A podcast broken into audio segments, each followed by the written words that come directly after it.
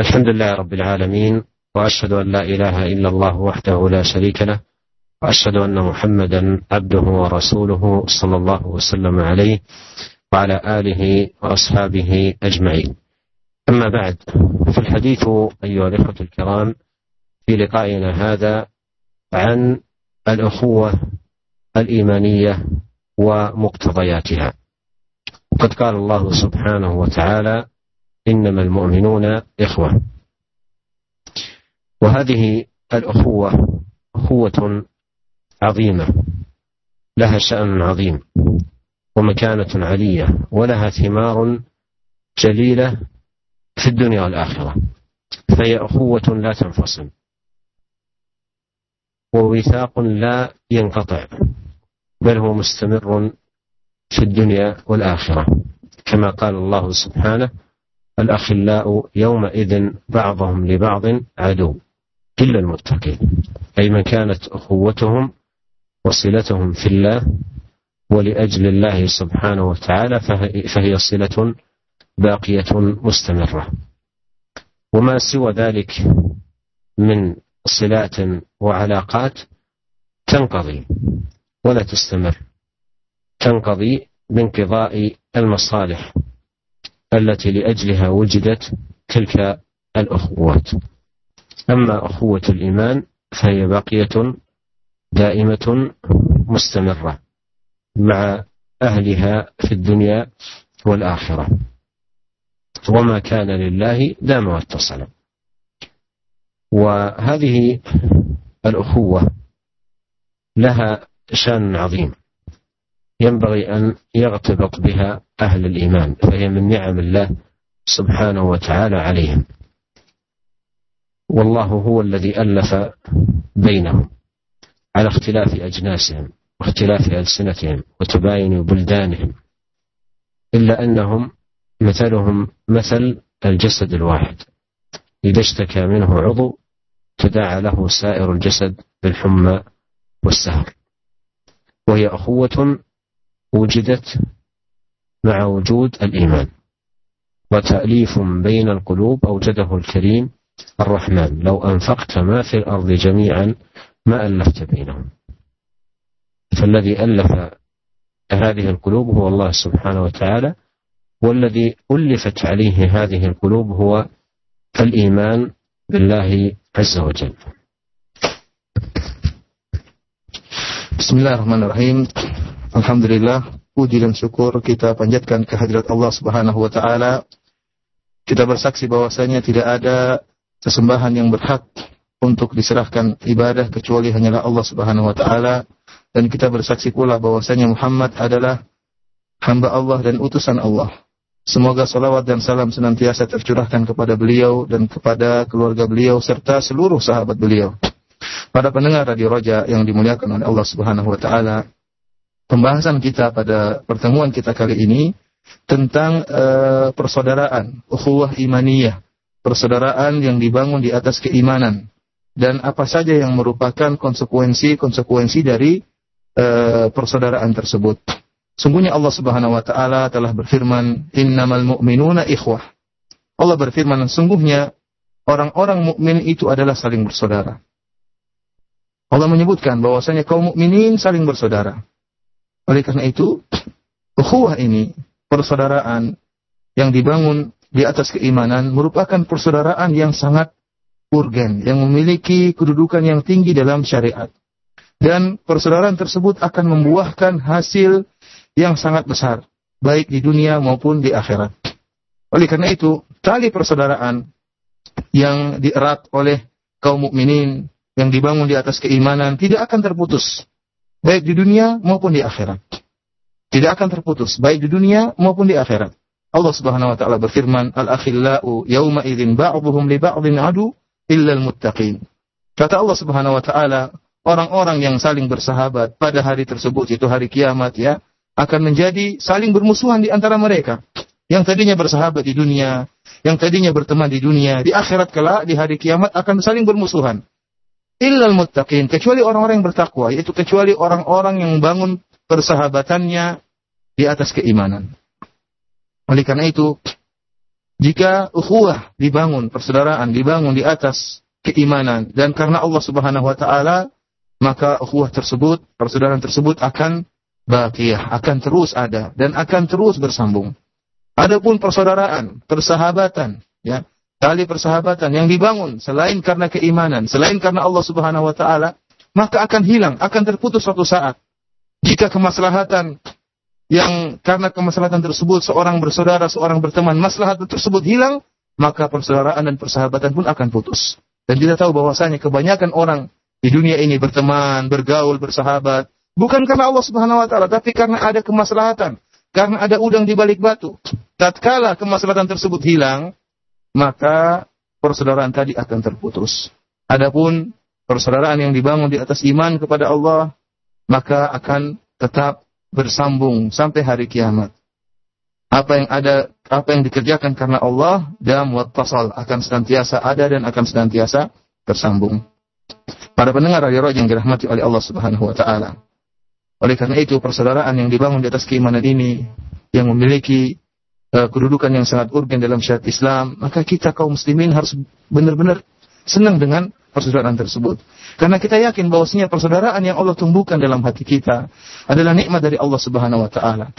Ya, Allah Subhanahu wa taala lah yang telah mempersaudarakan kita, mempersaudarakan kaum mukminin padahal mereka dari jenis yang berbeda-beda, dari negara yang berbeda-beda, dari uh, mungkin adat yang berbeda-beda, namun Allah Subhanahu wa taala yang telah menyatukan mereka.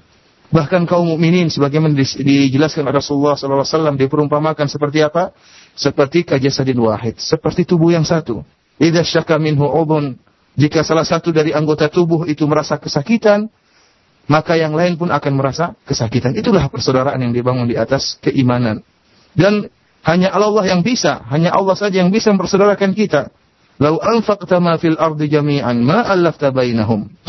Kata Allah Subhanahu wa taala, kalau seandainya engkau menginfakkan ya apa yang harta yang ada berada di atas muka bumi ini seluruhnya hanya untuk mempersatukan kaum mukminin, maka kau tidak akan mampu.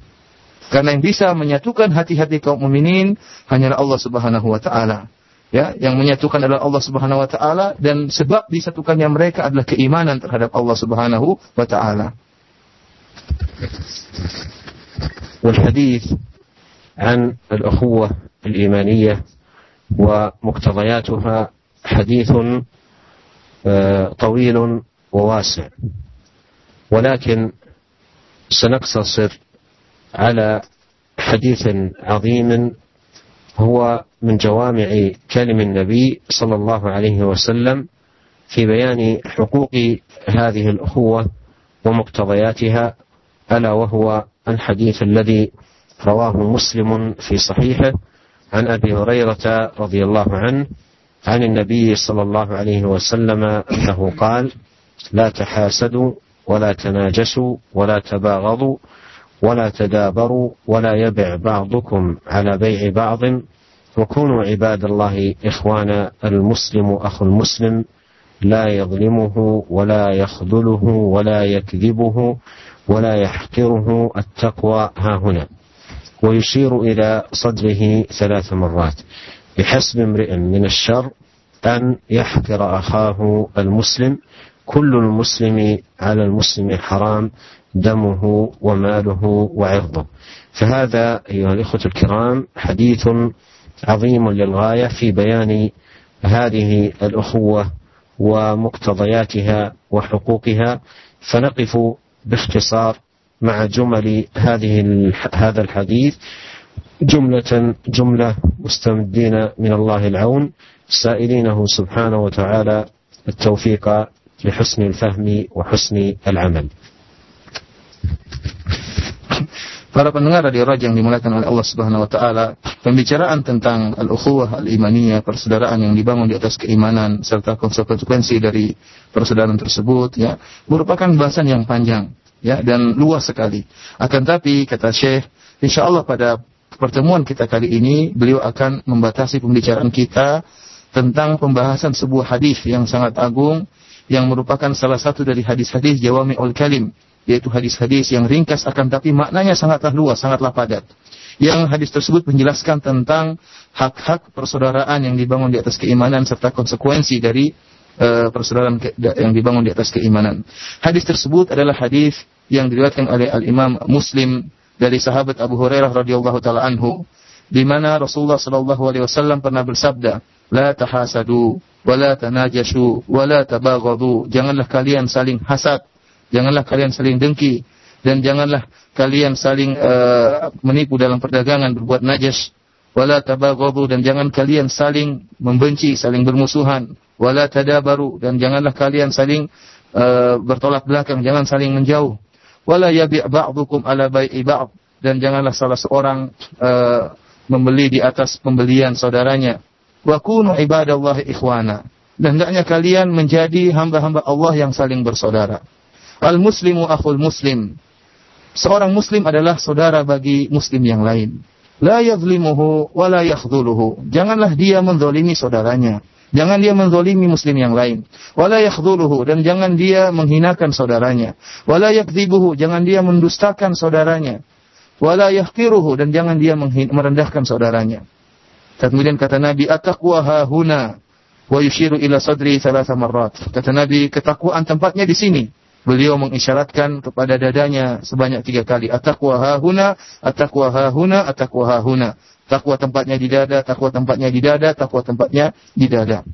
Kemudian kata Nabi sallallahu alaihi wasallam, "Bihasbi bihasbi imri'in min asy-syarri ayyahkira akhahu muslim cukup merupakan kejelekan seorang muslim jika dia menghina saudaranya, merendahkan saudaranya, muslim yang lain. Kullul muslim alal muslim haramun damuhu damuhu wa maluhu wa irduhu. Setiap muslim diharamkan atas muslim yang lain diharamkan untuk uh, atas darahnya, kemudian uh, hartanya dan juga uh, harga dirinya. Tidak boleh direndahkan, tidak boleh dijatuhkan. Hadis ini merupakan hadis yang uh, agung yang menjelaskan tentang ukhuwah Islamiyah, ukhuwah imaniyah serta menjelaskan apa sih yang merupakan konsekuensi dari ukhuwah tersebut, maka insya Allah Syekh akan menjelaskan hadis ini secara ringkas ya, dan akan uh, menjelaskan lafal-lafalnya sedikit demi sedikit dan sambil minta pertolongan kepada Allah Subhanahu wa taala agar Allah memberikan kepada kita husnul faham, memberikan kita pemahaman yang benar terhadap hadis ini. بدأ النبي عليه الصلاة والسلام مقتضيات الأخوة الإيمانية بقوله عليه الصلاة والسلام لا تحاسدوا.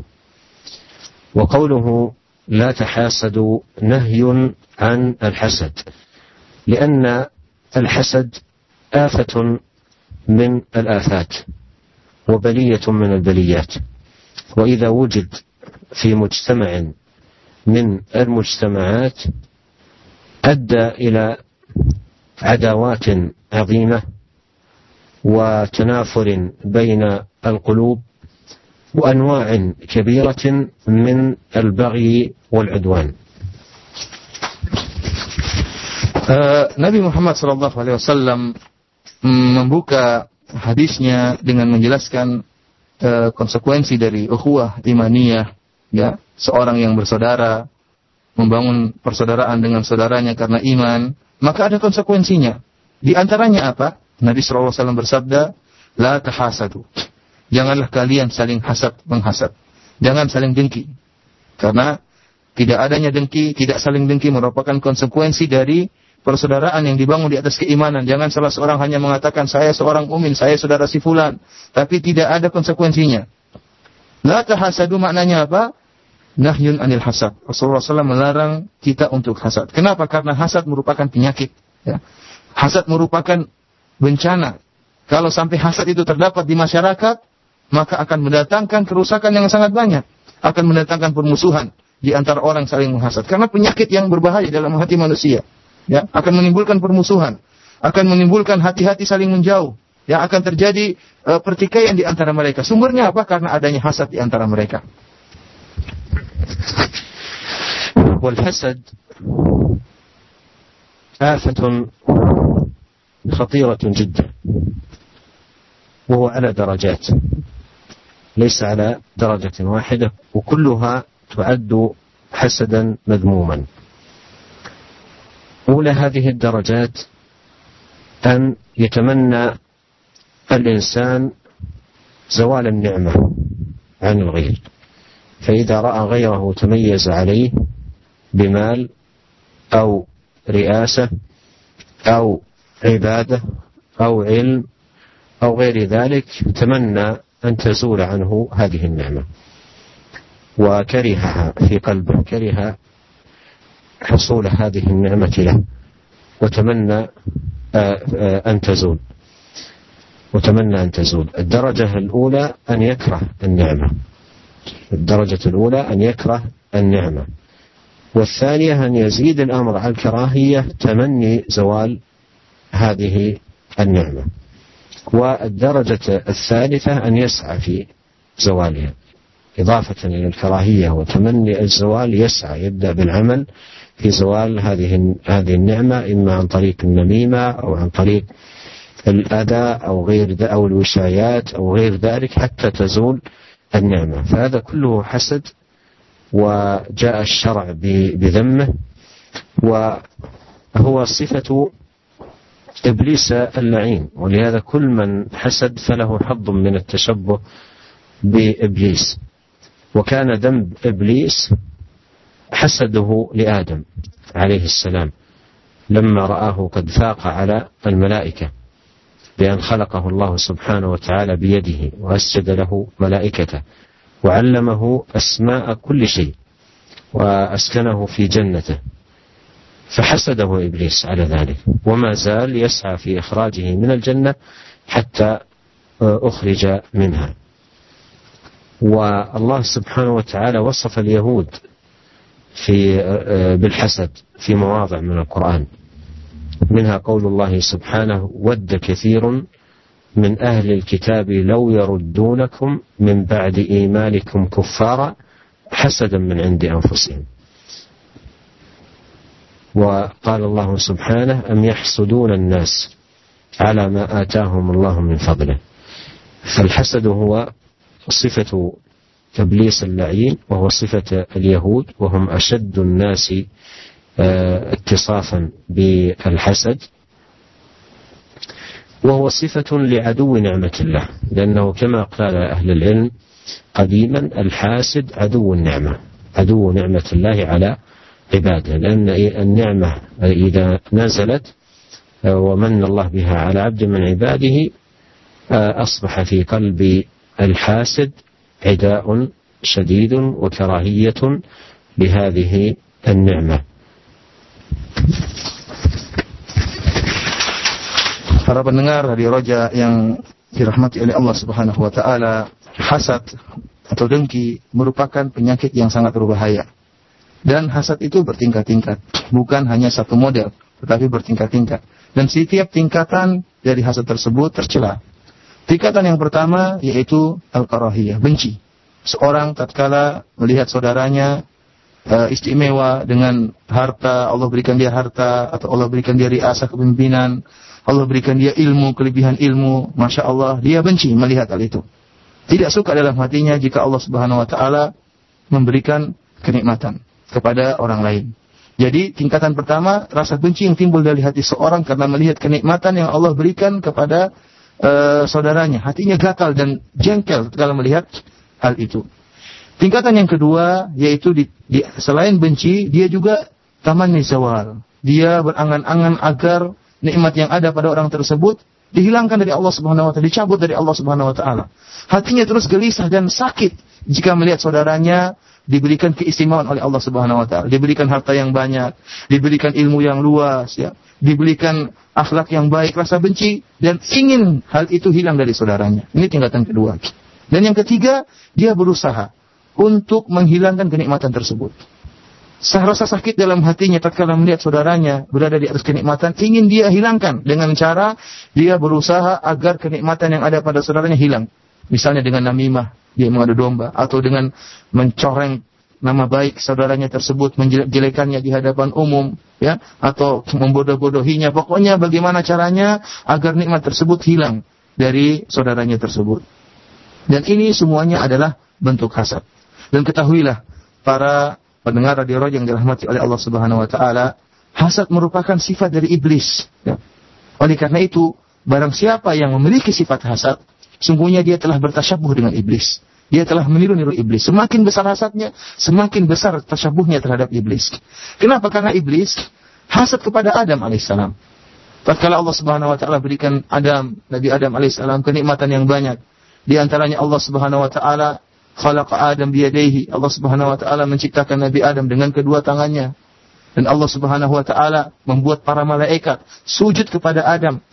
Bahkan Allah Subhanahu wa taala mengajarkan Adam kulla syai' asma kulli syai' Allah mengajarkan nama-nama uh, segala sesuatu kepada Nabi Adam alaihissalam. Bahkan Allah Subhanahu wa taala masukkan Adam ke dalam jannah. Semua ini membuat iblis geram dan dia hasad kepada Adam. Akhirnya dia berusaha terus menggoda Adam alaihissalam sampai akhirnya dia berhasil mengeluarkan Adam dari surga yang telah Allah berikan kepada Adam alaihissalam. Kemudian hasad juga merupakan sifat jenis orang yang terjelek itu sifat-sifat orang Yahudi. Allah Subhanahu wa taala telah menyebutkan tentang orang Yahudi di mana Allah Subhanahu wa taala berfirman, "Wadda katsirun min ahli alkitab law yaruddunakum min ba'di imanikum kuffaran hasadan min indi anfusihim."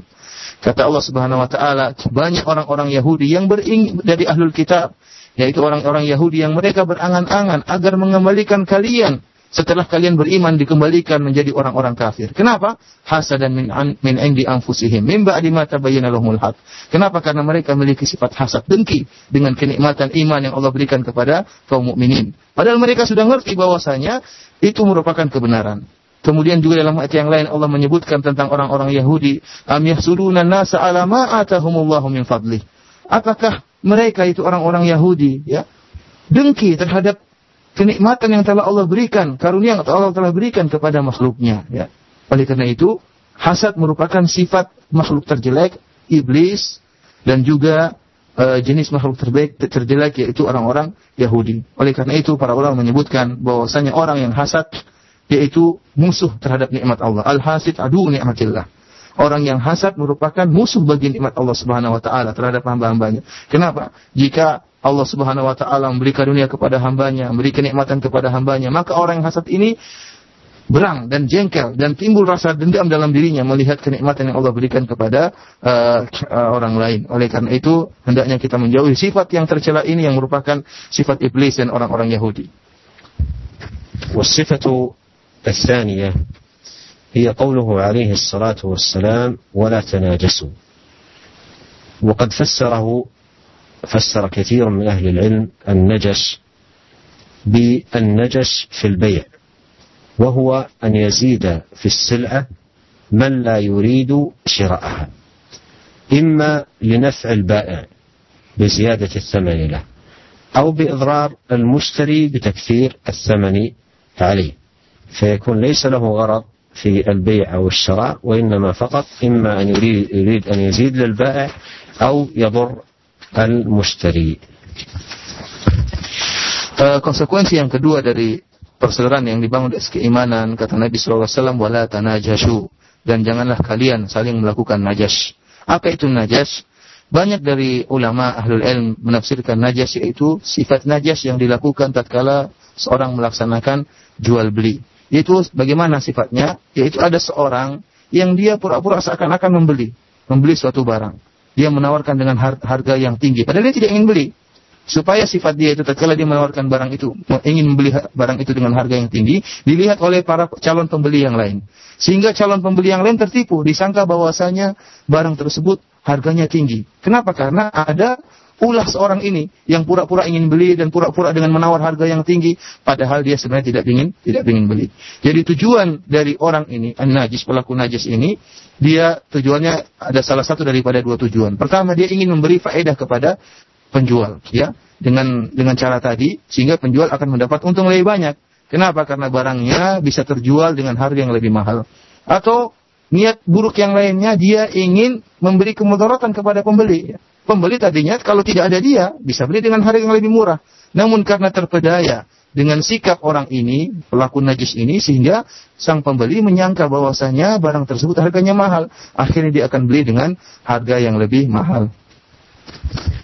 الأمر السادس مما ذكره النبي عليه الصلاة والسلام التباغض فقال عليه الصلاة والسلام ولا تباغضوا وهذا نهي للمسلمين عن أن يبغض بعضهم بعضا في غير الله لأن الحب في الله والبغض في الله وهذا أوثق عرى الإيمان أن يحب المرء لا يحبه إلا لله وأن يبغضه لا يبغضه إلا لله تبارك وتعالى.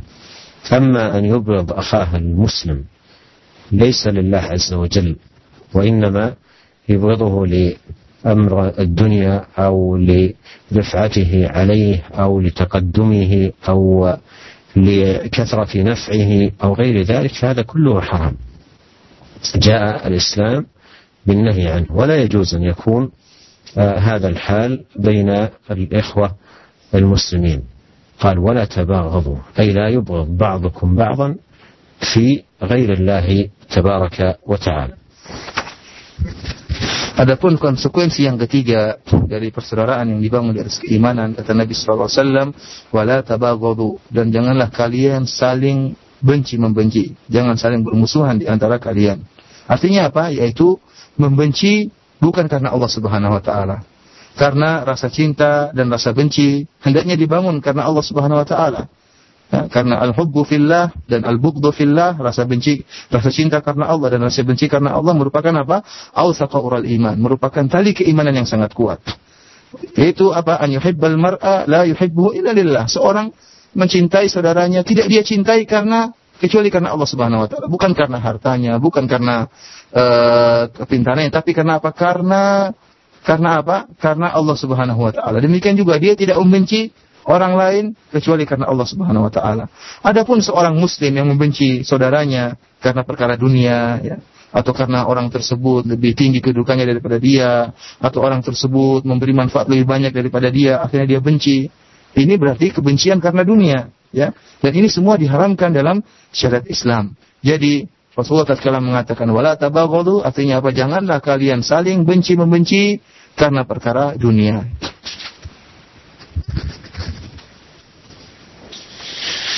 وقد جاء في الحديث أن النبي صلى الله عليه وسلم قال والذي نفسي بيده لا تدخلوا الجنة حتى تؤمنوا ولا تؤمنوا حتى تحابوا ألا أدلكم على شيء إذا فعلتموه تحاببتم أفشوا السلام بينكم. رواه مسلم.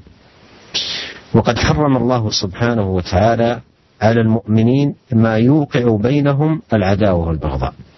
كما قال عز وجل إنما يريد الشيطان أن يوقع بينكم العداوة والبغضاء في الخمر والميسر. ويصدكم عن ذكر الله وعن الصلاة فهل أنتم منتهون؟ كذلك امتن على عباده بالتأليف بين قلوبهم مذكرا بهذه النعمة. قال واذكروا نعمة الله عليكم إذ كنتم أعداء فألف بين قلوبكم فأصبحتم بنعمته إخوانا. وقال جل وعلا هو الذي أيدك بنصره وبالمؤمنين وألف بين قلوبهم لو أنفقت ما في الأرض جميعا ما ألفت بين قلوبهم ولكن الله ألف بينهم. Para pendengar radio Raja yang dirahmati oleh Allah Subhanahu wa taala. Dalam sebuah hadis Nabi sallallahu alaihi wasallam pernah bersabda, "Walladzi nafsi biyadihi" Demi zat yang jiwaku berada di tangannya. La tadkhulul jannata hatta tu'minu. Kalian tidak akan masuk surga sampai kalian beriman. Wala tu'minu hatta tahabbu. Dan kalian tidak akan beriman sampai kalian saling mencintai di antara kalian. Ala adullukum ala syai'in idza fa'altumuhu tahabbtum afshus salam afshus salama bainakum. Maukah aku tunjukkan kepada kalian tentang suatu perkara yang jika kalian laksanakan maka kalian akan saling mencintai yaitu kata Nabi tebarkanlah salam di antara kalian. Hadis ini diriwayatkan oleh Al Imam Muslim dalam sahihnya. Oleh karena itu Allah Subhanahu wa taala telah mengharamkan atas orang-orang beriman apa yang bisa menimbulkan permusuhan dan menimbulkan pertengkaran dan itu merupakan perbuatan syaitan. Kata Allah Subhanahu wa taala, "Innama yuridu syaitanu an yuqi'a bainakumul adawata wal baghdha'a fil khamri wal maisir." Tatkala Allah mengharamkan khamr dan mai dan perjudian, Allah sebutkan kenapa? Karena syaitan ingin menjerumuskan atau menimbulkan permusuhan dan kebencian di antara kalian dengan adanya bir dan adanya perjudian. Wa yasuddakum an dzikrillahi wa anis salati fahal antum muntahun dan ingin mencegah kalian dari mengingat Allah Subhanahu wa taala dan mencegah kalian dari mengerjakan salat. Kenapa kalian tidak berhenti dari perbuatan-perbuatan tercela tersebut? Oleh karena itu Allah Subhanahu wa taala mengingatkan kepada kita, mengingatkan kepada hamba-hambanya akan nikmat yang Allah berikan yaitu persatuan di antara mereka. Jangan mereka pecah dengan adanya permusuhan. Jangan mereka pecah nikmat Allah tersebut dengan adanya pertengkaran di antara mereka. Allah katakan, "Wadhkuru nikmatallahi 'alaikum id kuntum a'da'a." Dan ingatlah nikmat yang Allah berikan kepada kalian tatkala kalian dulu masih bermusuhan. Kita sebelum ngaji dulu tidak tahu modelnya kayak apa, mungkin saling bermusuhan. Fa'allafa baina qulubikum fa asbahtum bi ni'matihi ikhwana. Kemudian Allah Subhanahu wa taala menyatukan hati-hati kalian mempererat hati-hati kalian. Akhirnya kalian pun dengan nikmat Allah Subhanahu wa taala menjadi saling bersaudara. Dalam ayat yang lain Allah Subhanahu wa taala berfirman, "Huwallazi ayyadaka binasrihi wa bil mu'minin." Wa allafa baina qulubihim. Law anfaqta ma fil ardi jami'an ma allafta bainahum baina qulubihim, walakinna Allah allafa bainahum. Kata Allah Subhanahu wa taala, Allah lah yang telah mereka, ya, yaitu kaum mukminin. Kalau seandainya engkau memberikan, mengeluarkan harta semua yang ada di atas muka bumi ini, semua harta yang ada di atas muka bumi ini untuk menyatukan hati-hati mereka, kau tidak akan mampu. Akan tapi Allah lah yang telah menyatukan hati-hati mereka. وجاءت الشريعة بتحريم كل أمر ينشر العداوة ويوقع البغضاء بين أهل الإيمان والتحذير من ذلك ومن ذلكم التحذير من النميمة لأن النميمة تفسد العلاقات وتقطع الصلات وتفسد ذات البين وهي الحالقة كما جاء بذلكم الحديث عن النبي عليه الصلاة والسلام. بل إنه عليه الصلاة والسلام وصف أهل النميمة بأنهم شرار الناس. قال ألا أنبئكم بشراركم يعني أكثركم شرا أكثركم فسادا. قالوا بلى يا رسول الله. قال المشاؤون بالنميمة المفرقون بين الأحبة. المشاؤون بالنميمة أي الذين يمشون بالنميمة بين الناس بنقل الكلام من شخص إلى آخر على وجه الإفساد بينهما. المفرقون بين الأحبة الذين يعملون على التفريق بين المتحابين والمتصافيين. الباغون للبراء العنت. الباغون للبراء العنت.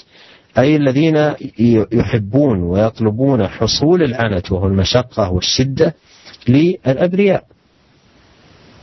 برميهم بما ليس فيهم بنسبتهم إلى ما هم براء منه بالوقيعة فيهم إلى غير ذلك فهذه خصال ذميمة جاءت الشريعة بالتحذير منها لأنها تفرق آه، بين المسلمين ويترتب عليها نشر التدابر والتباغض والتعادي.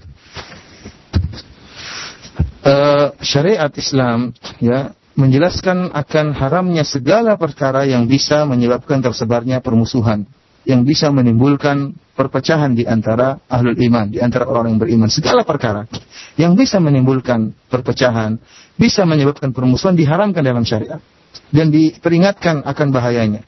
Dan di antara perkara yang bisa menimbulkan permusuhan, yang ditahdir, diingatkan, diperingatkan oleh syariat Islam adalah namimah, yaitu mengadu domba di, antara kaum mukminin. Kenapa? Karena namimah ini menyebabkan rusaknya hubungan. Ya, dua orang yang saling mencintai tadinya bisa hancur, bisa saling bermusuhan. Ya. Alaqah yang ada, hubungan yang ada rusak semuanya karena adanya namimah. Oleh karena itu Rasulullah SAW memberi sifat terhadap namimah dengan katakan apa? Hiyal haliqah. Itu yang mencukur agama ini, yang yang mencukur agama. Artinya menghilangkan agama ini. Kenapa? Karena bisa merusak persatuan, persaudaraan yang ada di antara kaum mukminin. Oleh karena itu Rasulullah Shallallahu Alaihi Wasallam mensifati orang-orang yang suka melakukan namimah dengan syirar, orang yang paling buruk, yang paling rusak, orang yang paling merusak. Dalam sebuah hadis Rasulullah Shallallahu Alaihi Wasallam bersabda, "Ala unabbiukum bisyirarikum, wahai para sahabatku, maukah aku kabarkan kepada kalian tentang orang-orang yang paling merusak, yang paling buruk di antara kalian?" Ya, yang paling buruk di antara kalian. Apa kata para sahabat? Bala ya Rasulullah. Tentu ya Rasulullah, kabarkan, kabar, kabarkanlah kepada kami. Siapa sih orang-orang yang paling buruk, yang paling jelek, yang paling rusak? Apa kata Nabi SAW? Al-masya'una bin namimah.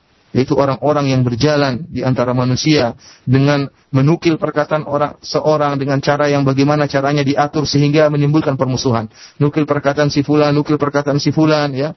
Akhirnya apa? Terjadi permusuhan gara-gara dia nukil perkataan-perkataan. Memang dia niat seperti itu. Inilah termasuk orang-orang yang paling merusak dan orang-orang yang paling rusak. Kemudian juga kata Nabi SAW, al-mufarriquna bainal ahibbah. Yang me, me, me, apa memecah ya di antara orang-orang yang saling mencintai. Orang-orang tadinya saling mencintai dirusak oleh mereka dengan berbagai macam usaha. Ya, tadinya saling bersaudara, saling mencintai, saling berkunjungan. Akhirnya dengan perkataan-perkataan tertentu yang mereka buat-buat, akhirnya persaudaraan tadi pecah dan hilang. Kemudian al-baguna lil il anat, yaitu orang-orang yang berusaha menuduh orang-orang yang baik-baik ya dengan tuduhan yang jelek sehingga menimbulkan kesulitan bagi orang-orang tersebut. Orang yang baik dituduh dengan tuduhan yang jelek, dituduh dusta, dituduh macam-macam. Sehingga orang yang tadinya tidak melakukan dosa tersebut merasa sakit hati, merasa berat kesulitan yang dia hadapi.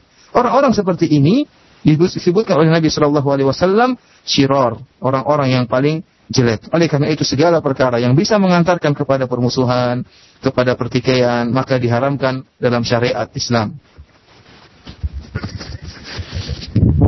وأما إذا كان البغض في الله فهذا من أوثق عرى الإيمان كما جاء في الحديث أوثق عرى الإيمان الحب في الله والبغض في الله لكن هذه المسألة مسألة البغض في الله قد يقع بعض الناس في أعمال أو أمور آه، فيبغض في الله بزعمه ولا يكون حقيقة الأمر كذلك بل يكون فيه نوع من الهوى أو حظ النفس. وهنا أنقل كلاما عظيما للغاية للحافظ بن رجب رحمه الله تعالى وهو جدير بأن يتأمله المسلم وخاصة طالب العلم حتى لا يقع في مجازفة في هذا الباب يظنها من دين الله سبحانه وتعالى وهي ليست من دين الله. والنقل فيه شيء من الطول لكنه عظيم الفائدة. يقول رحمه الله لما كثر اختلاف الناس في مسائل الدين وكثر تفرقهم كثر بسبب ذلك تباغضهم وتلاعنهم. وكل منهم يظهر أنه يبغض لله. وقد يكون في نفس الأمر معذورا وقد لا يكون معذورا. بل يكون متبعا لهواه مقصرا في البحث عن معرفة ما يبغض عليه. فإن كثيرا من البغض كذلك. إنما يقع لمخالفة متبوع يظن أنه لا يقول إلا حقا. يكون له شخص يتبعه إذا خولف أبغض مخالفة. فإن كثيرا من البغض كذلك. إنما يقع لمخالفة متبوع يظن أنه لا يقول إلا الحق. وهذا الظن خطأ قطعا. وإن أريد أنه لا يقول إلا الحق فيما خلف فيه فهذا الظن قد يخطئ ويصيب. وقد يكون الحامل على الميل إليه مجرد الهوى أو الإلف أو العادة. وكل هذا يقدح في أن يكون هذا البغض لله. أنت شخص اعتاد على عمل معين فخولف فيه. فيبغض لي من خالفه. قد يكون العمل الذي هو يفعله ليس موافقا للحق. فالواجب على المؤمن أن ينصح نفسه ويتحرز في هذا غاية التحرز. وما أشكل منه فلا يدخل نفسه فيه خشية أن يقع فيما نهي عنه من البغض المحرم. وها هنا أمر خفي. وها هنا أمر خفي ينبغي التفطن له. وهو أن كثيرا من أئمة الدين قد يقول قولا مرجوحا ويكون مجتهدا فيه مأجورا على اجتهاده فيه موضوعا عنه خطأه فيه. ولا يكون المنتصر لمقالته تلك بمنزلته في هذه الدرجة. لأنه قد لا ينتصر لهذا القول إلا لكون متبوع قد قاله. بحيث إنه لو قاله غيره من أئمة الدين لما قبله. ولا انتصر له. ولا والى من وافقه ولا عاد من خالفه. وهو مع هذا يظن أنه إنما انتصر للحق بمنزلة متبوعة وليس كذلك. فإن متبوعه إنما كان قصده الانتصار للحق وإن أخطأ في اجتهاده. وأما هذا التابع فقد شاب انتصاره لما يظنه الحق إرادة علو متبوعة وظهور كلمته وألا ينسب إلى الخطأ. وهذه دسيسة تقدح في قصد الانتصار للحق فافهم هذا فإن فإنه فهم عظيم والله يهدي من يشاء إلى صراط مستقيم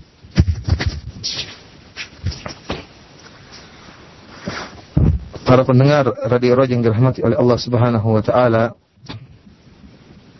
uh, pada kesempatan kali ini ya uh, Syekh menjelaskan bahwasanya kalau ternyata kebencian itu karena Allah Subhanahu wa taala, maka itu tidak mengapa, bahkan merupakan tali keimanan yang sangat kuat. Dalam sebuah hadis Rasulullah SAW bersabda, "Awthaqul ural iman al-hubbu fillah wal bughdu fillah." Sungguhnya tali keimanan yang paling kuat adalah cinta karena Allah dan benci karena Allah. Akan tapi saya mengingatkan, sebagian orang mereka ingin menerapkan al-bughdu fillah, ingin menerapkan rasa benci karena Allah Subhanahu wa taala. Namun mereka salah penerapan. Mereka menyangka bahwasanya penerapan mereka itu benar-benar benci karena Allah. Akan tapi ternyata pada hakikatnya bukan karena Allah. Tapi karena ada sedikit hawa nafsu yang masuk dalam, masuk dalam hati mereka. Mereka benci, mereka marah, mereka menghajar. Ternyata ada hawa nafsu. Bukan bersemata-mata karena Allah subhanahu wa ta'ala. Oleh karena itu, uh, Syekh uh, men, uh, akan menukil sebuah perkataan yang sangat baik yang pernah dituliskan oleh Al-Hafidh Ibn Rajab Al-Hambali ya, uh, dalam kitabnya Jami' Ulum wal Hikam yang mungkin agak panjang kan tapi saya harap uh, para pendengar bisa bersabar karena banyak faedah yang bisa kita ambil terutama bagi para penuntut ilmu. Terutama bagi penuntut ilmu bagi para dai agar kita perhatikan perkataan Ibn Rajab Al-Hambali apa kata beliau? Tatkala terjadi banyak perselisihan di antara manusia dalam masalah-masalah agama dan juga banyaknya perpecahan di antara mereka. Dan oleh karena perpecahan tersebut, banyak saling permusuhan di antara mereka. Bahkan saling melaknat di antara mereka. Padahal setiap di antara mereka, yang saling berselisih tadi, menampakkan bahwasanya mereka membenci saudaranya, membenci yang lain karena Allah Subhanahu wa taala. Bisa jadi memang benar, dia membenci saudaranya dan dia dapat uzur karena memang dia benci karena Allah Subhanahu wa taala. Namun bisa jadi tidak benar. Ya. Tetapi dia benci, menampakkan rasa bencinya membantah yang lainnya, ya, melaknat yang lainnya ternyata mutabi'an li hawa karena dia ikut hawa nafsunya. Dia tidak membahas lebih lanjut untuk mengenal lebih dalam apa sih perkara-perkara yang harusnya bisa diterapkan rasa benci kepada Allah Subhanahu wa taala, rasa benci karena Allah Subhanahu wa taala. Kenapa? Dia menjelaskan, Ibnu Rajab menjelaskan.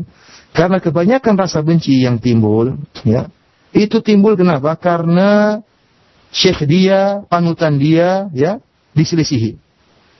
Dia mencintai seorang syekh atau seorang alim dari ulama. Dia ikuti ulama tersebut. Ternyata ada orang yang menyelisihi ulama tadi, maka pun dia benci.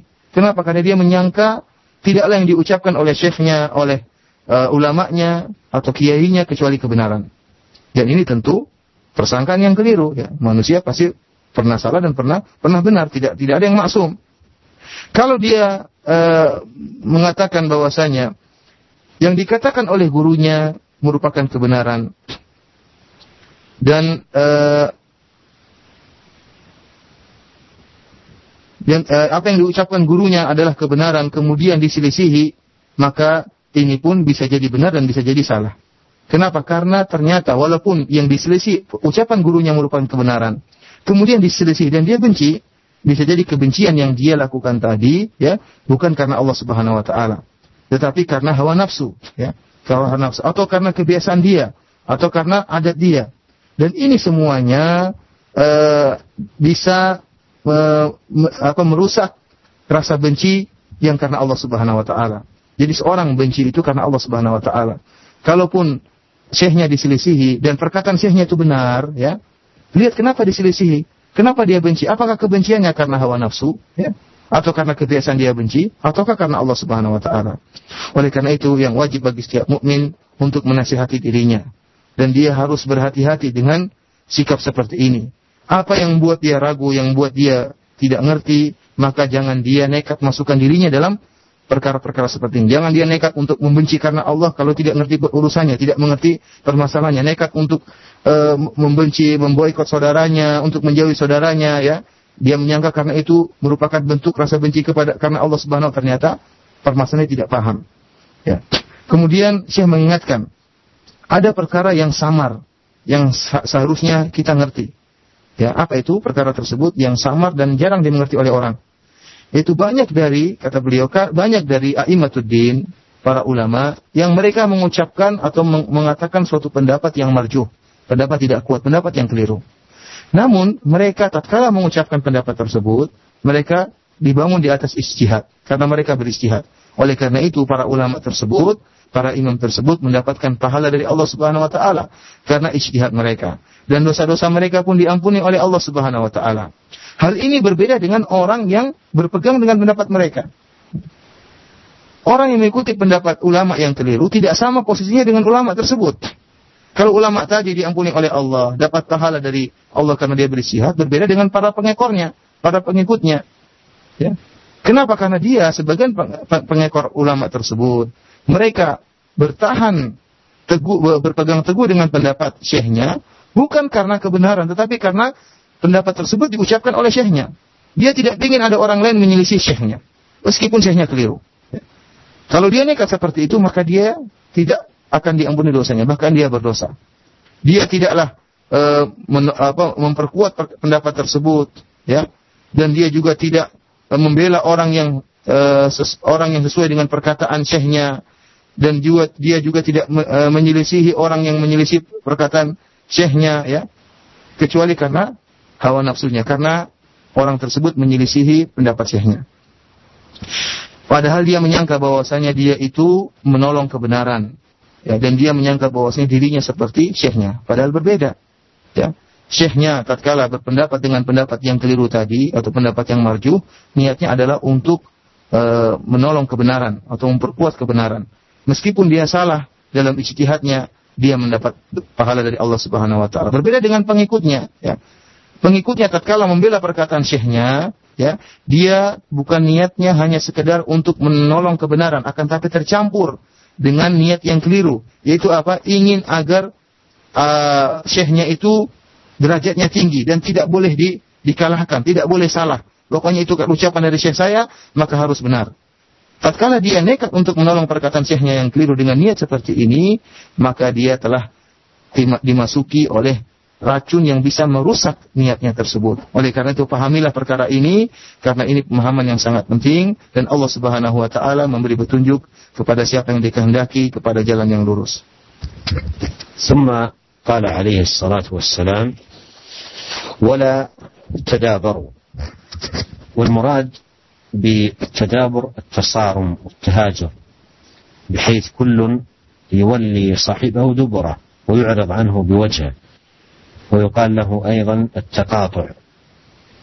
وجاء في بعض رواية الحديث بدل قوله ولا تدابروا ولا تقاطعوا. والتدابر والتقاطع آه، أمر جاء النهي عنه كما في هذا الحديث. مرة بلفظ لا تدابروا ومرة بلفظ لا تقاطعوا محذرا صلوات الله والسلام عليه من ذلك أشد التحذير Kemudian nasihat berikutnya dari Nabi Shallallahu Alaihi Wasallam yang merupakan konsekuensi dari persaudaraan di atas keimanan, wala tadabaru. Kata Nabi Shallallahu Alaihi Wasallam, dan janganlah kalian saling bertolak belakang. Ya. Yang dimaksud dengan hal ini wala tadabaru artinya wala tasaramu, wala tahajaru. Janganlah kalian saling e, berhajar, saling memboikot di antara kalian. Setiap orang balik belakang menjauhi saudaranya. Maksudnya adalah saling memutuskan hubungan. Oleh karena itu dalam e, riwayat yang lain dalam lafal yang lain kata Nabi sallallahu alaihi wasallam wala taqata'u dan janganlah kalian saling memutuskan hubungan dan tadabur wa taqatu' ya saling membelakangi dan saling memutuskan hubungan telah dilarang dalam syariat Islam karena hadis datang dalam dua riwayat dalam dua lafal lafal wala tadabaru yaitu salah jangan saling memboikot saling memutus dan kemudian juga dalam lafal yang lain wala taqata'u jangan sekalian saling memutuskan hubungan dan dua perkara ini benar-benar diperingatkan dengan peringatan yang keras oleh syariat Islam وقد جاء في الحديث في الصحيحين أن النبي عليه الصلاة والسلام قال لا يحل, لا يحل للمسلم أن يهجر أخاه فوق ثلاث. يلتقيان فيصد هذا ويصد هذا وخيرهما الذي يبدأ بالسلام. وجاء في حديث آخر أنه عليه الصلاة والسلام قال من هجر أخاه سنة فهو كسفك دمه. من هجر أخاه سنة فهو كسفك دمه رواه أبو داود. وقوله لا يحل أن يهجر أخاه فوق ثلاث هذا في التقاطع للأمور الدنيوية. إذا كان بين أخ وأخيه أو جار وجاره أو قريب وقريبة آه، خلاف على أمر دنيوي. فلا يجوز له أن يهجره لذلك الأمر الدنيوي فوق ثلاثة أيام. ولهذا قال لا لا يحل يعني حرام للمسلم أن يهجر أخاه فوق ثلاث. هذا إذا كان لأمر لأمر دنيوي. أما لأجل الدين فتجوز الزيادة على ثلاث بحسب المصلحة. لا يكون بحسب الهوى وإنما بحسب المصلحة. في ضوء قاعدة الشريعة جلب المصالح ودرء المفاسد.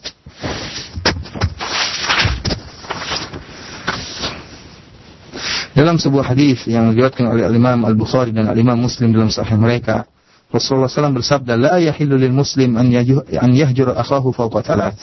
Ya. Tidak halal bagi seorang muslim untuk menghajar memboikot saudaranya lebih dari tiga, tiga hari. Mereka bertemu dan saling menjauhi. Kemudian kata Nabi SAW, dan yang terbaik di antara mereka yang pertama kali memulai dengan salam. Ya. Dalam hadis yang lain diriwayatkan oleh Abu Dawud dalam sunannya Rasulullah SAW bersabda, "Man hajaru akhahu sanatan fahuwa kasaf kidami." Barang siapa yang memboikot saudaranya, memutuskan hubungan dengan saudaranya selama setahun, maka dia seperti telah menumpahkan darah saudaranya tersebut. Bayangkan merupakan ancaman keras dari syariat. Orang yang memboikot saudaranya lebih dari setahun, ya, maka dia seperti telah menumpahkan darah saudaranya. Oleh karena itu hadis Nabi wasallam wala tadabaru wala taqata'u, janganlah kalian saling memboikot, janganlah kalian saling memutuskan hubungan. Maksudnya dalam perkara-perkara dunia ya. Dalam perkara dunia tidak boleh lebih dari tiga hari orang menghajar saudaranya kalau marah sama saudaranya karena perkara dunia maka dia tidak boleh memboikot saudaranya lebih dari tiga hari antara seorang saudara dengan saudaranya, kerabat dengan kerabat, atau tetangga dengan tetangganya. Terkadang terjadi permasalahan dalam perkara dunia. Kemudian timbul kebencian di antara mereka. Akhirnya saling memboikot. Syariat memberi e, kebolehan untuk memboikot selama tiga hari. Lebih dari itu tidak boleh. Dan hukumnya adalah haram. Karena Nabi SAW bersabda, La yahillu lil muslim. Tidak halal. Hukumnya adalah haram. Adapun jika ternyata boikot tersebut karena perkara agama, ya, karena li din, maka boleh lebih dari tiga hari. Akan tapi kembali kepada melihat prakteknya harus melihat kepada maslahat dan mudarat. Ya, kalau mendatangkan kemaslahatan dipraktekkan, kalau tidak mendatangkan kemaslahatan maka tidak dipraktekkan. Bukan prakteknya hajar lebih dari tiga hari karena hawa nafsu, tetapi dibangun di atas kaidah syariat yaitu melihat maslahat dan menimbang antara maslahat dan kemudaratan. ثم قال عليه الصلاة والسلام ولا يبع بعضكم على بيع بعض وهذا النهي جاء في عدد من الأحاديث. نهي المسلم عن أن يبيع على بيع أخيه. مثل ما جاء في الصحيحين أن النبي صلى الله عليه وسلم أنه قال لا يبيع الرجل على بيع أخيه ولا يخطب على خطبة أخيه. فهذا أمر نهى عنه لأنه يفسد المودة والأخوة التي بين المسلمين. مثل أن يكون آه، اشترى آه، سلعة فيفسد على البائع بيعه أو على المشتري شراءه بأن آه، يقول أنا أبيعها لك بأقل ردها علي ونحو ذلك. فهذا يوجد العداوات والبغضاء أو رجل يخطب فتاة ويوافقون ثم يذهب إليهم ويقول أنا أفضل منه وأنا عندي كذا وكذا اقبلوني ولا تقبلوه. فهذا مما ينشر الشر ويوجد العداوات ولهذا جاءت الشريعة بالنهي عن ذلك والمنع منه Kemudian sabda Nabi SAW selanjutnya, wala ya ba'dukum ala bai'i ba'd. Janganlah kalian uh, menjual di atas penjualan uh, orang lain, di atas penjualan saudara kalian. Uh, lafal seperti ini banyak datang dalam hadis-hadis. Uh, di antaranya hadis yang terdapat dalam Sahihain dalam riwayat Imam Bukhari dan Imam Muslim di mana Rasulullah SAW pernah bersabda wala yabi'ur rajulu ala bai'i akhihi wala yakhtubur rajulu ala khidbati akhihi. Janganlah salah seorang di antara kalian ya uh, menjual di atas penjualan saudaranya. Dan janganlah salah seorang dari kalian mengkhidbah seorang wanita yang sudah dikhidbai oleh saudaranya. Kenapa? Karena sikap ini akan menimbulkan kerusakan dan akan merusak persaudaraan di antara dua orang dua orang sahabat, dua orang sudah saling bersahabat yang menjalin persaudaraan akan rusak dengan cara-cara seperti ini, yaitu menjual di atas jalan orang lain. Ya. Misalnya ada uh, orang yang sudah beli barang di si A, dia beli barang si A dengan harga tertentu. Kemudian si B datang kepada orang ini, kembalikan aja barangnya, saya jual sama kamu dengan harga lebih murah. Ya, kembalikan barangnya sama orang si A itu. Saya akan jual kepada kamu barang yang sama dengan harga yang lebih murah. Ini namanya merusak. Ya. Ini namanya merusak atau sebaliknya. Ya. Uh, seorang sudah jual kepada orang lain dengan harga tertentu, datang orang lain. Ya, si A sudah menjual kepada si B dengan harga tertentu, datang si C mengatakan kepada si A, minta lagi barang yang sudah kau jual, saya akan beli dengan harga yang lebih mahal. Ini namanya merusak, merusak persaudaraan di antara dua saudara. Demikian juga uh, mengkhidbah di atas di atas khidbah saudaranya. Ada kita tahu saudara kita sudah mengkhidbah seorang wanita, kemudian kita datang ingin merusak khidbah tersebut. Kita datang kepada sang wanita atau kepada kepada walinya kita katakan saya lebih afdal daripada si fulan itu. Harta saya banyak, saya punya ini, punya itu. Udah tolak aja khidbahnya. Tolak saja lamaran dia. Saya yang melamar anak bapak, saya yang melamar putri bapak. Ya, ini merupakan bentuk kerusakan yang bisa merusakkan persaudaraan di antara uh, dua orang sahabat. Oleh karena itu dilarang dalam syariat Islam karena akan menimbulkan permusuhan dan merusak ukhuwah imaniyah. ثم قال وكونوا عباد الله إخوانا. وهذا ذكره النبي عليه الصلاة والسلام كالتعليل لما سبق. وفي إشارة إلى أن ترك الحسد والتناجش والتباغض والتدابر والبيع على بيع بعض يفضي ويؤدي إلى تحقق الأخوة بأن يكونوا إخوانا. هذا من جهة. ومن جهة أخرى فيه أمر باكتساب كل ما يقوي هذه الأخوة وينميها. كونوا عباد الله إخوانا أي افعلوا وابذلوا كل أمر ينمي هذه الأخوة ويقويها.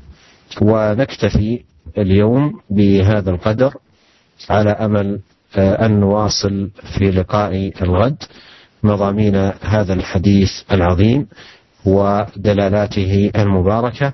فيما يتعلق باخوه الايمان التي هي اعظم اخوه واوثق صله وبالله وحده التوفيق وصلى الله وسلم على عبده ورسوله نبينا محمد واله وصحبه اجمعين. Kemudian Nabi Shallallahu Alaihi Wasallam bersabda, "Wa kunu ibadallahi ikhwana."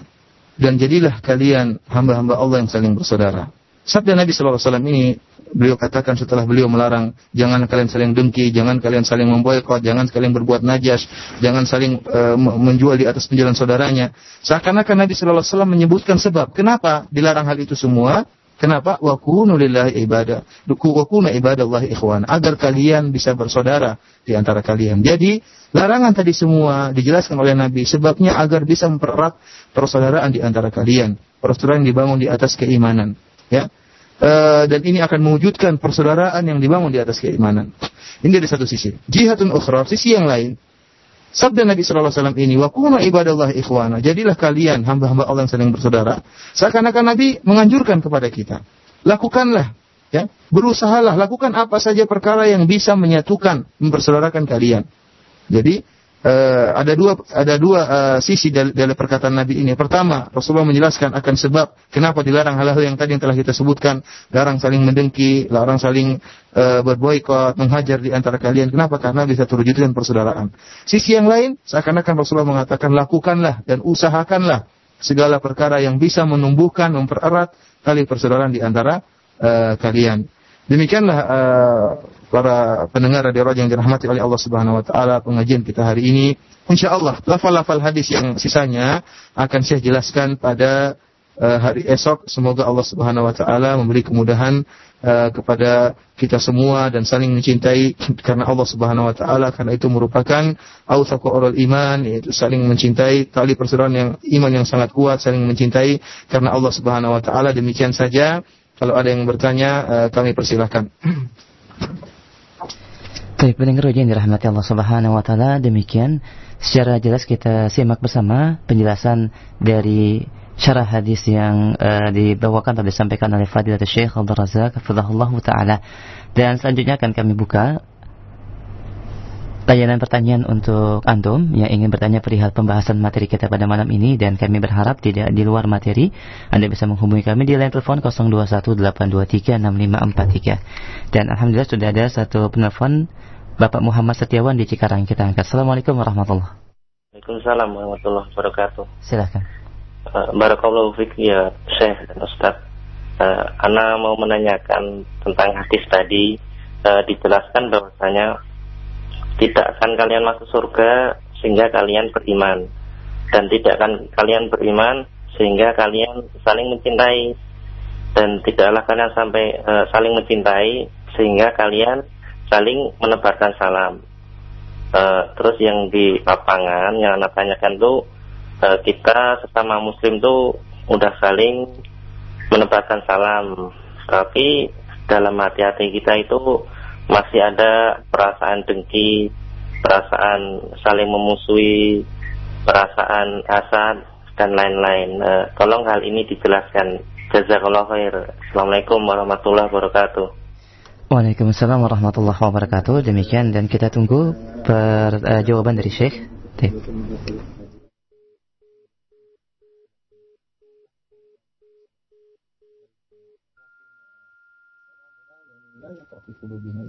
لا يزال فينا حسد لا يزال فينا البغض بين الإخوة. كأن نسلم يعني فقط. تطبق الشريعة لكن لماذا؟ النبي صلى الله عليه وسلم ذكر في هذا الحديث ما ينمي المحبة ويقويها. وإذا كان من يلقي السلام يلقيه عن فهم لمدلوله. ومعرفة بمقصوده مع إيمان صادق في قلبه بذلك فإنه يثمر ثمرة عظيمة لا حد لها. إذا قال السلام عليكم ورحمة الله وبركاته. فهذه دعوات عظيمة. إذا نبعت من قلب صادق فهذا له دلائله. ولهذا قال في حديث آخر قال أفشوا السلام تسلموا. وهنا في هذا الحديث الذي ذكره السائل قال ألا أدلكم على شيء إذا فعلتموه تحاببتم؟ فالسلام يفضي إلى التحابب وأيضا يحقق السلامة في المجتمع وذلك إذا كان الإنسان يسلم عن فهم لمعنى السلام وتحقيقا لمقصود السلام. أما إذا كان سلام الإنسان مثلا لمصلحة أو لمقصد ومأرب وليس هذا السلام من القربات التي يتقرب بها إلى الله جل وعلا وليس قائما على محبة للمسلمين وإرادة الخير لهم. فهذا لا يثمر لا يثمر وإنما الثمرة المرجوة هي السلام الذي يكون نابع عن صدق ومحبة وإرادة للخير والله أعلم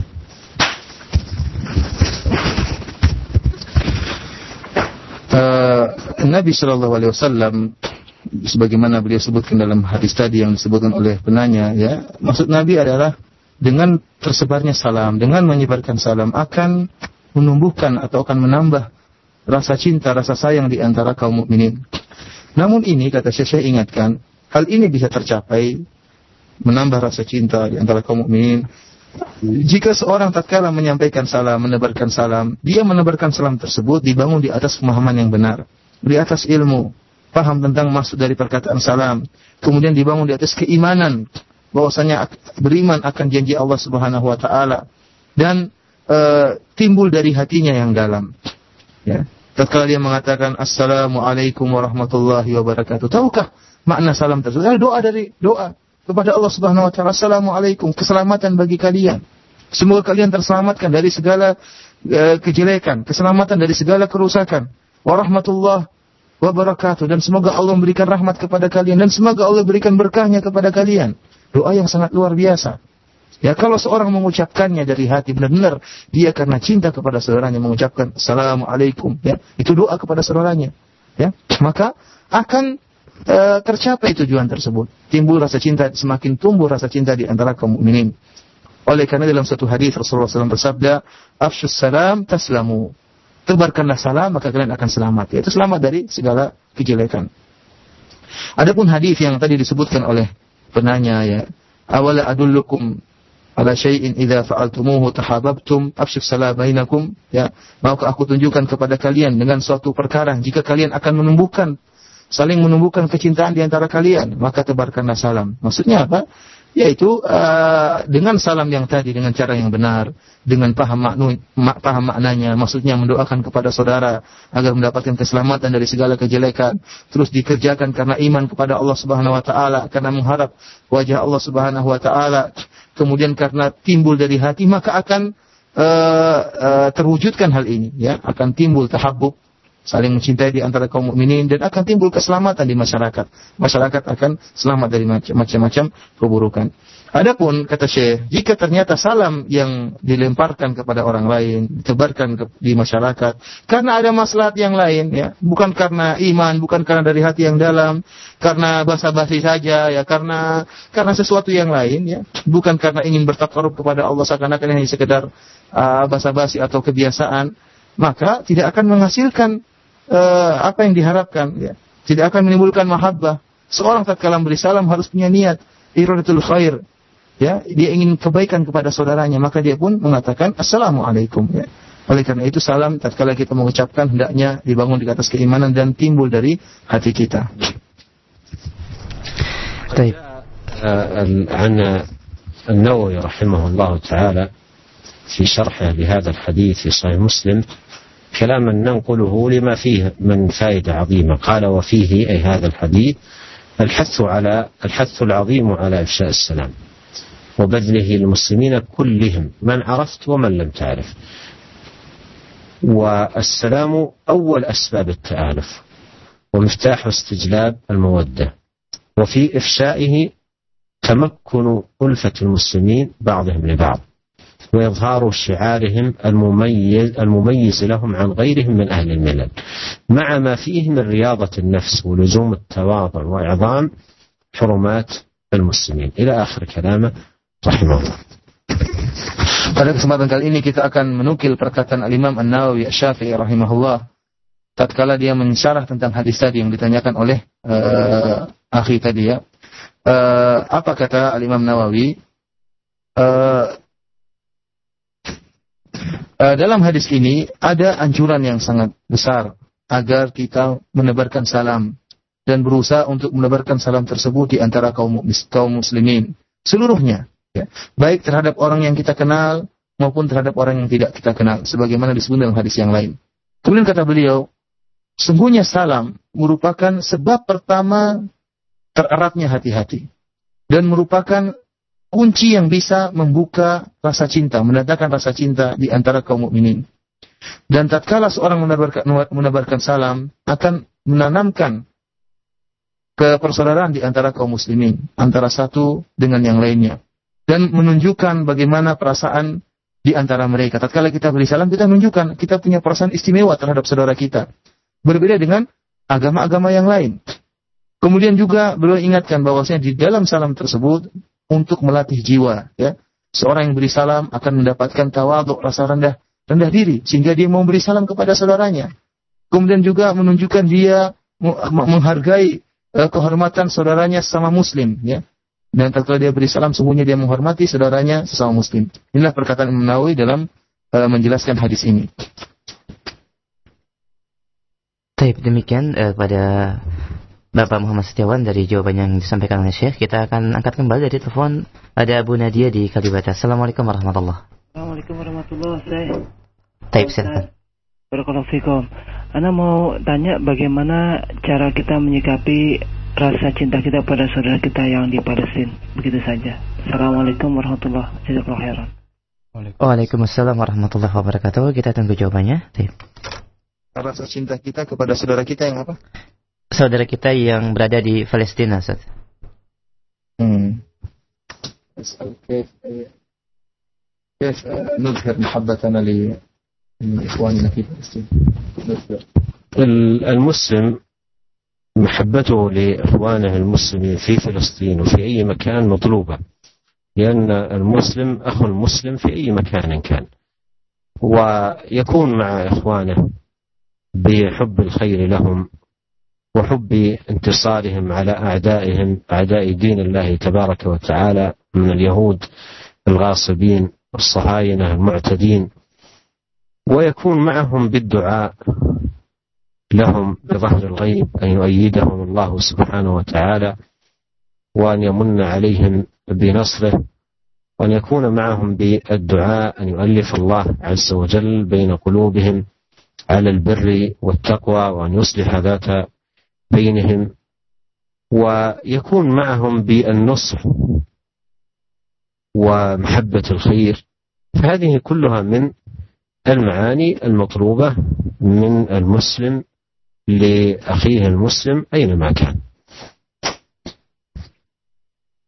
saya menjelaskan banyak seorang muslim yaitu uh, mencintai saudara-saudaranya di Palestina dan juga di tempat-tempat yang lain karena rasa cinta terhadap sama saudara kaum muslimin dituntut siapa saja ya saudara-saudara kita yang berada di Palestina khususnya ataupun saudara-saudara kita yang berada di tempat-tempat yang lain. Kita cinta dan kita berharap agar Allah Subhanahu wa taala menolong mereka ya. Tunjukkan perasaan kita bahwasanya kita sangat senang seandainya sangat berharap Allah menolong mereka untuk menjatuhkan musuh-musuh mereka orang-orang Yahudi yang mereka adalah ghasibin para perampok dan juga telah melakukan uh, kejahatan yang sangat biadab terhadap kaum mukminin di sana di Palestina. Kemudian kita juga berdoa untuk mereka, ya uh, tatkala kita bersendirian. Jangan kita hanya mengatakan kita harus tolong kaum Palestina, kita cinta kepada mereka, namun kita tidak pernah berdoa kepada mereka. Bangun malam berdoa kepada mereka, menangis kepada Allah agar Allah menolong mereka. Kemudian jika kita berdoa kepada Allah Subhanahu wa taala agar Allah menyatukan hati-hati mereka. Jangan sampai kaum muslimin yang sudah sedikit jumlahnya di Palestina saling berpecah belah. Tapi semoga Allah Subhanahu wa taala mempersatukan hati-hati mereka, mendamaikan di antara mereka. Ini semua adalah bentuk-bentuk menunjukkan rasa cinta kita kepada saudara-saudara kita ya semampu kita di antaranya dengan dengan berdoa kepada Allah Subhanahu wa taala baik terhadap saudara-saudara kita di Palestina maupun saudara-saudara kita di negara-negara yang lainnya. Baik, demikian jawabannya dan kita angkat kembali dari telepon ada Bapak Rifai di Cimanggi. Assalamualaikum warahmatullahi Waalaikumsalam. Uh, ya sih, saya mau tanya. Uh, waktu kemarin-kemarin itu saya bekerja di bidang musik ya. Lalu saya keluar dari bidang musik dan saya meninggalkan teman-teman saya itu. Dan saya sudah meminta maaf kepada mereka semua. Dan mereka uh, sepertinya tidak memaaf apa memaafkan saya dan apa hukumnya bagi saya untuk meninggalkan mereka sudah sekian lamanya. Terima kasih syukron. Assalamualaikum Waalaikumsalam warahmatullahi wabarakatuh kita akan tunggu jawaban dari Syekh musik ثم يغضبون علينا أنا تركتهم يعني إذا طلبت السماح منهم لكن هم سامحوني وغضبوا علي ماذا علي؟ أولا نحمد الله عز وجل الذي من عليك بالهداية ونسأله تبارك وتعالى أن يثبتك على الحق والهدى وأن يصلح زملائك ورفقائك وأن يبصرهم بالدين وأن يهديهم إليه صراطا مستقيما. ولا يضرك أخي الكريم غضبهم عليك لأن غضبهم عليك في الهوى الذي يهوونه فلا يضرك. والذي يضرك إذا كان الأمر يتعلق في حق الله سبحانه وتعالى. أما غضبهم عليك لأجل آه، هجرانك لمعاصيهم أو تركك لذنوبهم فهذا كله لا يضرك ولا تبالي به. وإذا رأيت أن من المصلحة أن تتواصل معهم بالنصيحة برفق وكلمة طيبة لعل الله سبحانه وتعالى يقبل بقلوبهم على الخير. فافعل ذلك مع الدعاء لهم بظهر الغيب أن يهديهم الله عز وجل وأن يشرح صدورهم للخير. Syekh mengatakan uh, kita memuji Allah Subhanahu wa taala yang telah memberikan hidayah kepada al-akh si penanya ya. Yang telah uh, memberikan hidayah dan menjauhkan uh, beliau dari kemaksiatan. Dan kita berdoa Syekh juga berdoa kepada Allah Subhanahu wa taala. Semoga Allah Subhanahu wa taala memperkokoh al-akh di atas kebenaran dan di atas hidayah di atas petunjuk. Dan juga semoga Allah Subhanahu wa taala meluruskan teman-temannya yang dahulu bermain musik bersama dia dan memberi uh, ilmu cahaya agama terhadap mereka dan agar mereka kembali kepada jalan yang lurus.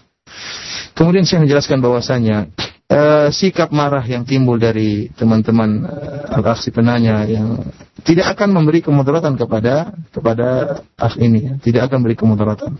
Kenapa? Karena kemarahan mereka dibangun atas hawa nafsu karena al-akh telah si penanya telah e, meninggalkan kemaksiatan, meninggalkan musik-musik bersama mereka. Kalau mereka marah, tidak akan memberi kemudaratan kepada kepada e, al-akh.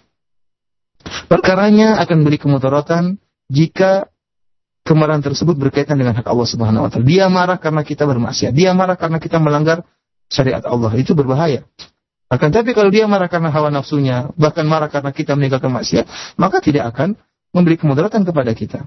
Oleh karena itu Syekh mengingatkan jika Anda si penanya ya memandang bahwasanya ada kemaslahatan menyambung uh, hubungan dengan mereka, menasihati mereka dengan perkataan yang lembut, dengan lemah lembut ya, maka lakukan ya. Dan jangan lupa berdoa untuk mereka tatkala bersendirian, berdoa kepada Allah agar Allah, Allah membuka hati, hati mereka dan agar Allah membuat mereka uh, meninggalkan musik-musik yang mereka sering lakukannya. Taib. Demikian. هذا الموضوع, الموضوع أحب أن أنقل فائدة عظيمة جدا أوردها الحافظ بن كثير في أول تفسيره لسورة غافر. فائدة عظيمة حقيقة ينبغي أن تكون منهجا لنا مع العصاة والمبتلين من المسلمين بالمعاصي والذنوب. فقد أورد ابن كثير في تفسيره عن يزيد بن الأصم قال كان رجل من أهل الشام ذو بأس وكان يفد إلى عمر بن الخطاب رضي الله عنه ففقده عمر. فقال ما فعل فلان ابن فلان؟ لما فقد سأل عنه. قال ما فعل فلان ابن فلان؟ وهذا فيه من الفائدة تفقد الإخوان والسؤال عنهم والاهتمام بهم. قال ما فعل فلان من فلان؟ فقالوا يا أمير المؤمنين يتابع في هذا الشراب يعني أنه وقع في شرب الخمر. يتابع في هذا الشراب. قال فدعا عمر كاتبه. فقال اكتب من عمر بن الخطاب إلى فلان بن فلان. السلام عليك. أما بعد فإني أحمد إليك الله الذي لا إله إلا هو غافر الذنب وقابل التوب شديد العقاب ذي الطول لا إله إلا هو إليه المصير. ثم قال لأصحابه ادعوا الله لأخيكم أن يقبل بقلبه وأن يتوب الله عليه. فجمع رضي الله عنه بين أمرين.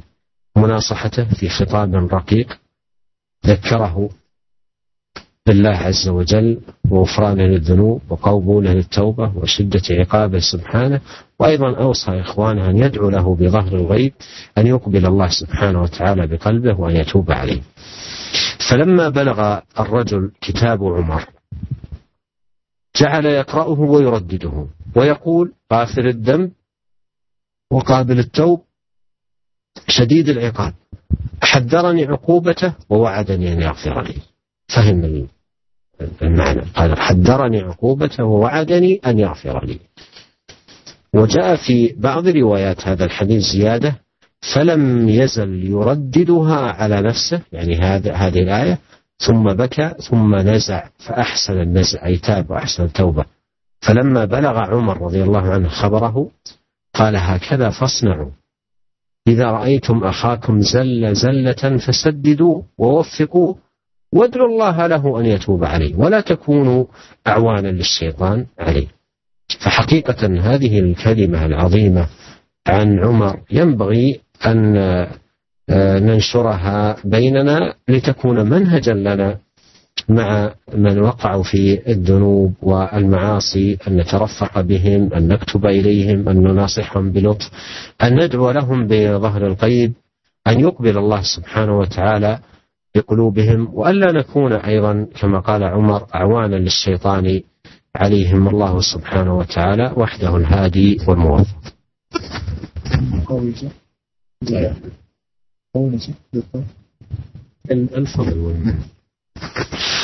Uh, para pendengar radio Raja yang dirahmati oleh Allah Subhanahu wa taala, uh, pada kesempatan ini Syekh ingin menukil sebuah uh, asar yang dibawakan oleh Ibnu Kathir, salah seorang ulama dari ulama Syafi'i dalam kitabnya Tafsir Ibnu Kathir, tatkala dia menyampaikan sebuah kisah di tafsir di awal surat Ghafir ya. Di mana uh, di situ ada faedah yang sangat besar yang menjelaskan kepada kita bagaimana manhaj kita yang benar, bagaimana sikap kita yang benar terhadap orang-orang pelaku maksiat terhadap saudara-saudara kita yang tenggelam dalam kemaksiatan, tenggelam dalam dosa-dosa, bagaimana kita mensikapi mereka. Uh, Ibnu Kathir membawa sebuah riwayat dari Yazid bin Al-Asam. Dia berkata, ya, ada seorang laki-laki dari ahli Syam yang orangnya kuat, ya. Dan dia biasanya datang menemui Umar bin Khattab radhiyallahu anhu. Suatu saat Umar bin Khattab radhiyallahu anhu merasa kehilangan orang ini. Dia tidak pernah lihat lagi orang. Biasanya datang, orang itu sudah tidak kelihatan lagi. Maka Umar bertanya kepada sahabat-sahabatnya, Mana si fulan bin fulan? Ya. Si kuat tadi yang dari Syam, badannya tubuhnya kuat, mana kau tidak pernah kelihatan lagi? Mereka berkata, Ya Amirul Mukminin, yutabi'u fi hadha syarab. Kata mereka, sahabat-sahabat Umar, wahai Amirul Mukminin, wahai Umar bin Khattab, sungguhnya orang ini sekarang uh, minum khamar, ya, minum khamar. Umar tatkala mendengar hal ini, maka dia pun memanggil tukang tulisnya, ya, tukang tulisnya. Kemudian dia berkata, uktub, tuliskanlah perkataanku ini. Min Umar bin Khattab ila fulan bin fulan salamun alaik. Orang itu pun mencatat wasiat Umar ini. Dari Umar bin Khattab kepada fulan bin fulan, yaitu orang ini yang tadi uh, minum khamar. Salamun alaik, keselamatan bagi engkau. Amma ba'd. Fa inni ahmadu ilaika Allah alladhi la ilaha illahu. غافر الذنب وقابل التوب شديد الإقاب ذي الطول لا إله إلا هو إليه المصير Kemudian kata Umar, sungguhnya aku memuji Allah Subhanahu wa taala. Yang Allah Subhanahu wa taala yaitu zat yang ghafirul dzam, maha mengampuni dosa dan maha menerima taubat. Akan tetapi syadidul iqab dan Allah Subhanahu wa taala siksaannya sangat besar. La ilaha illa huwa ilaihil masir. Ya, tidak ada sembahan yang berhak disembah kecuali Allah Subhanahu wa taala dialah tempat kembali. Kemudian kata Umar bin Khattab kepada sahabat-sahabatnya, Allah li akhikum ayyuqbila biqalbihi." Doakanlah saudara kalian ini agar dia bisa sadar dan bertobat kepada Allah Subhanahu wa taala. Tatkala surat ini sampai kepada laki-laki yang minum khamr ini, maka dia pun membaca, ya, membaca surat ini. Bahkan dia mengulang-ulang ayat yang dituliskan oleh Umar tadi. Ghafirudz dzam wa qabilut taub Allah yang maha menerima menerima uh, mengampuni dosa, mengampuni dosa dan maha menerima taubat. Syadidul iqab yang hukumannya sangatlah pedih. Apa kata dia? Dia paham maksud Umar ini. Kata dia, "Qad hadzarani uqubatahu wa wa'adani ay yaghfirali." Sungguhnya Allah Subhanahu wa taala telah mengingatkanku, mengingatkan mengingatkan aku akan dahsyatnya siksaan Allah Subhanahu wa taala dan Allah telah berjanji akan mengampuniku. Dalam riwayat yang lain disebutkan orang ini terus mengulang-ulang uh, ayat Allah Subhanahu wa taala, "Ghafirudz dzam, qabilut taub, syadidul iqab," ya, sampai akhirnya dia pun menangis. Kemudian dia pun meninggalkan uh, maksiat yang dilakukan, tidak lagi minum minum uh, khamr, minum khamar. Akhirnya apa kata Umar kepada sahabat-sahabatnya? Hakadha fasna'u. Beginilah cara kalian bersikap. Idza ra'aitum idza ra'aitum akhakum zalla zallatan fasaddiduhu wa waffiquhu Allah lahu ayyatuba alaih. Kalau kalian melihat saudara kalian melakukan dosa, melakukan kesalahan, maka luruskan dia. Ya. Usahakan dia itu sadar dan doa berdoa kepada Allah Subhanahu wa taala agar agar dia bertobat kepada Allah Subhanahu wa taala. Wala takunu a'wanan lisyaitani alaihi dan jangan kalian menjadi penolong-penolong setan untuk untuk membuat dia semakin tersesat. Inilah manhaj yang diajarkan Umar bin Khattab radhiyallahu taala anhu para pendengar radio Raja yang dirahmati Allah Subhanahu wa taala. Manhaj metode yang harus kita ikuti tatkala berhadapan dengan orang-orang pelaku maksiat. Kita jangan menjadi penolong setan. Malah akan membuat dia semakin tersesat. Malah kita jauhi, semakin terjauhkan dari syariat Islam maka semakin terjerumus dalam kemaksiatan. Tapi kita dekati, kita nasihati dengan cara yang lembut, dengan perkataan yang baik. Kita ingatkan karena Umar dalam dalam nasihat ini menggabungkan dua perkara. Umar ingatkan bahwasanya Allah itu ghafirudz dzam, qabilut taub. Allah itu Maha mengampuni dosa dan Maha menerima taubat. Akan tetapi Allah syadidul iqab. Allah itu juga siksaannya sangatlah dahsyat. Umar ingatkan orang ini dengan dua perkara ini. Demikianlah cara kita menasihati dan kita jangan lupa mendoakan saudara kita yang terjerumus dalam kemaksiatan. Dengan cara beginilah, maka saudara-saudara kita yang tadinya terjerumus dalam kemaksiatan akan menjadi sadar. Demikian saja uh, para pendengar radio Raja yang dirahmati oleh Allah Subhanahu wa taala kajian kita hari ini karena waktu yang sudah menjelang azan maghrib. Insyaallah kita lanjutkan bahasan hadis kita ini pada esok hari. Demikian saja kurang lebihnya kami mohon maaf. Wabillahi taufik wal hidayah. Assalamualaikum warahmatullahi wabarakatuh.